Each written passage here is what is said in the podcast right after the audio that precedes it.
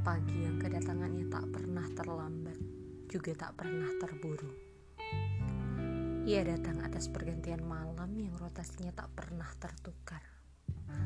Adalah malam yang tak pernah memaksa senja akhiri lembayungnya dengan tergesa ataupun berjeda. Dua lukis keseimbangan ketaatan makhluk atas titah Tuhannya. Adalah manusia yang merengek meminta dengan tergesa, memaksa campuri urusan Tuhan dengan segala cara. Menjarah waktu untuk datang segera hingga seolah menjadi pertanda atas segala doa. Padahal itu sebuah paksa bercampur fisik tak nyata. Pagi dan malam adalah mirat keterlibatan Tuhan.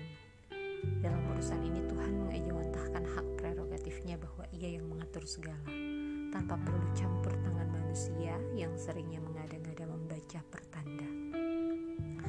Maka yang terjadi adalah kesesuaian rotasi kehidupan.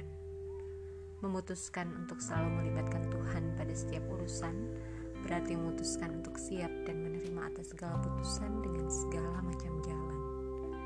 Maka ikhlas adalah kekuatan. Tuhan ciptakan tibu malam jalan menuju sebuah putusan.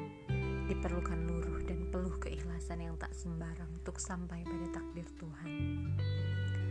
Adalah hati yang harusnya menyadari bahwa melibatkan Tuhan berarti menumpahkan segala macam ego ketakutan, arogansi, dan paksaan mencampuri urusan Tuhan.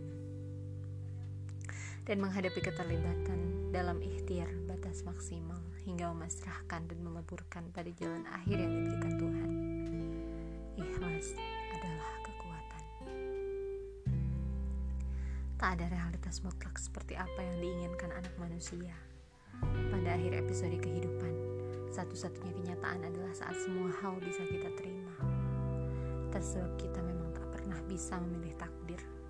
Kita hanya mampu menjemputnya lewat macam simpang jalan terbaik dan mengasuhnya lewat begitu waktu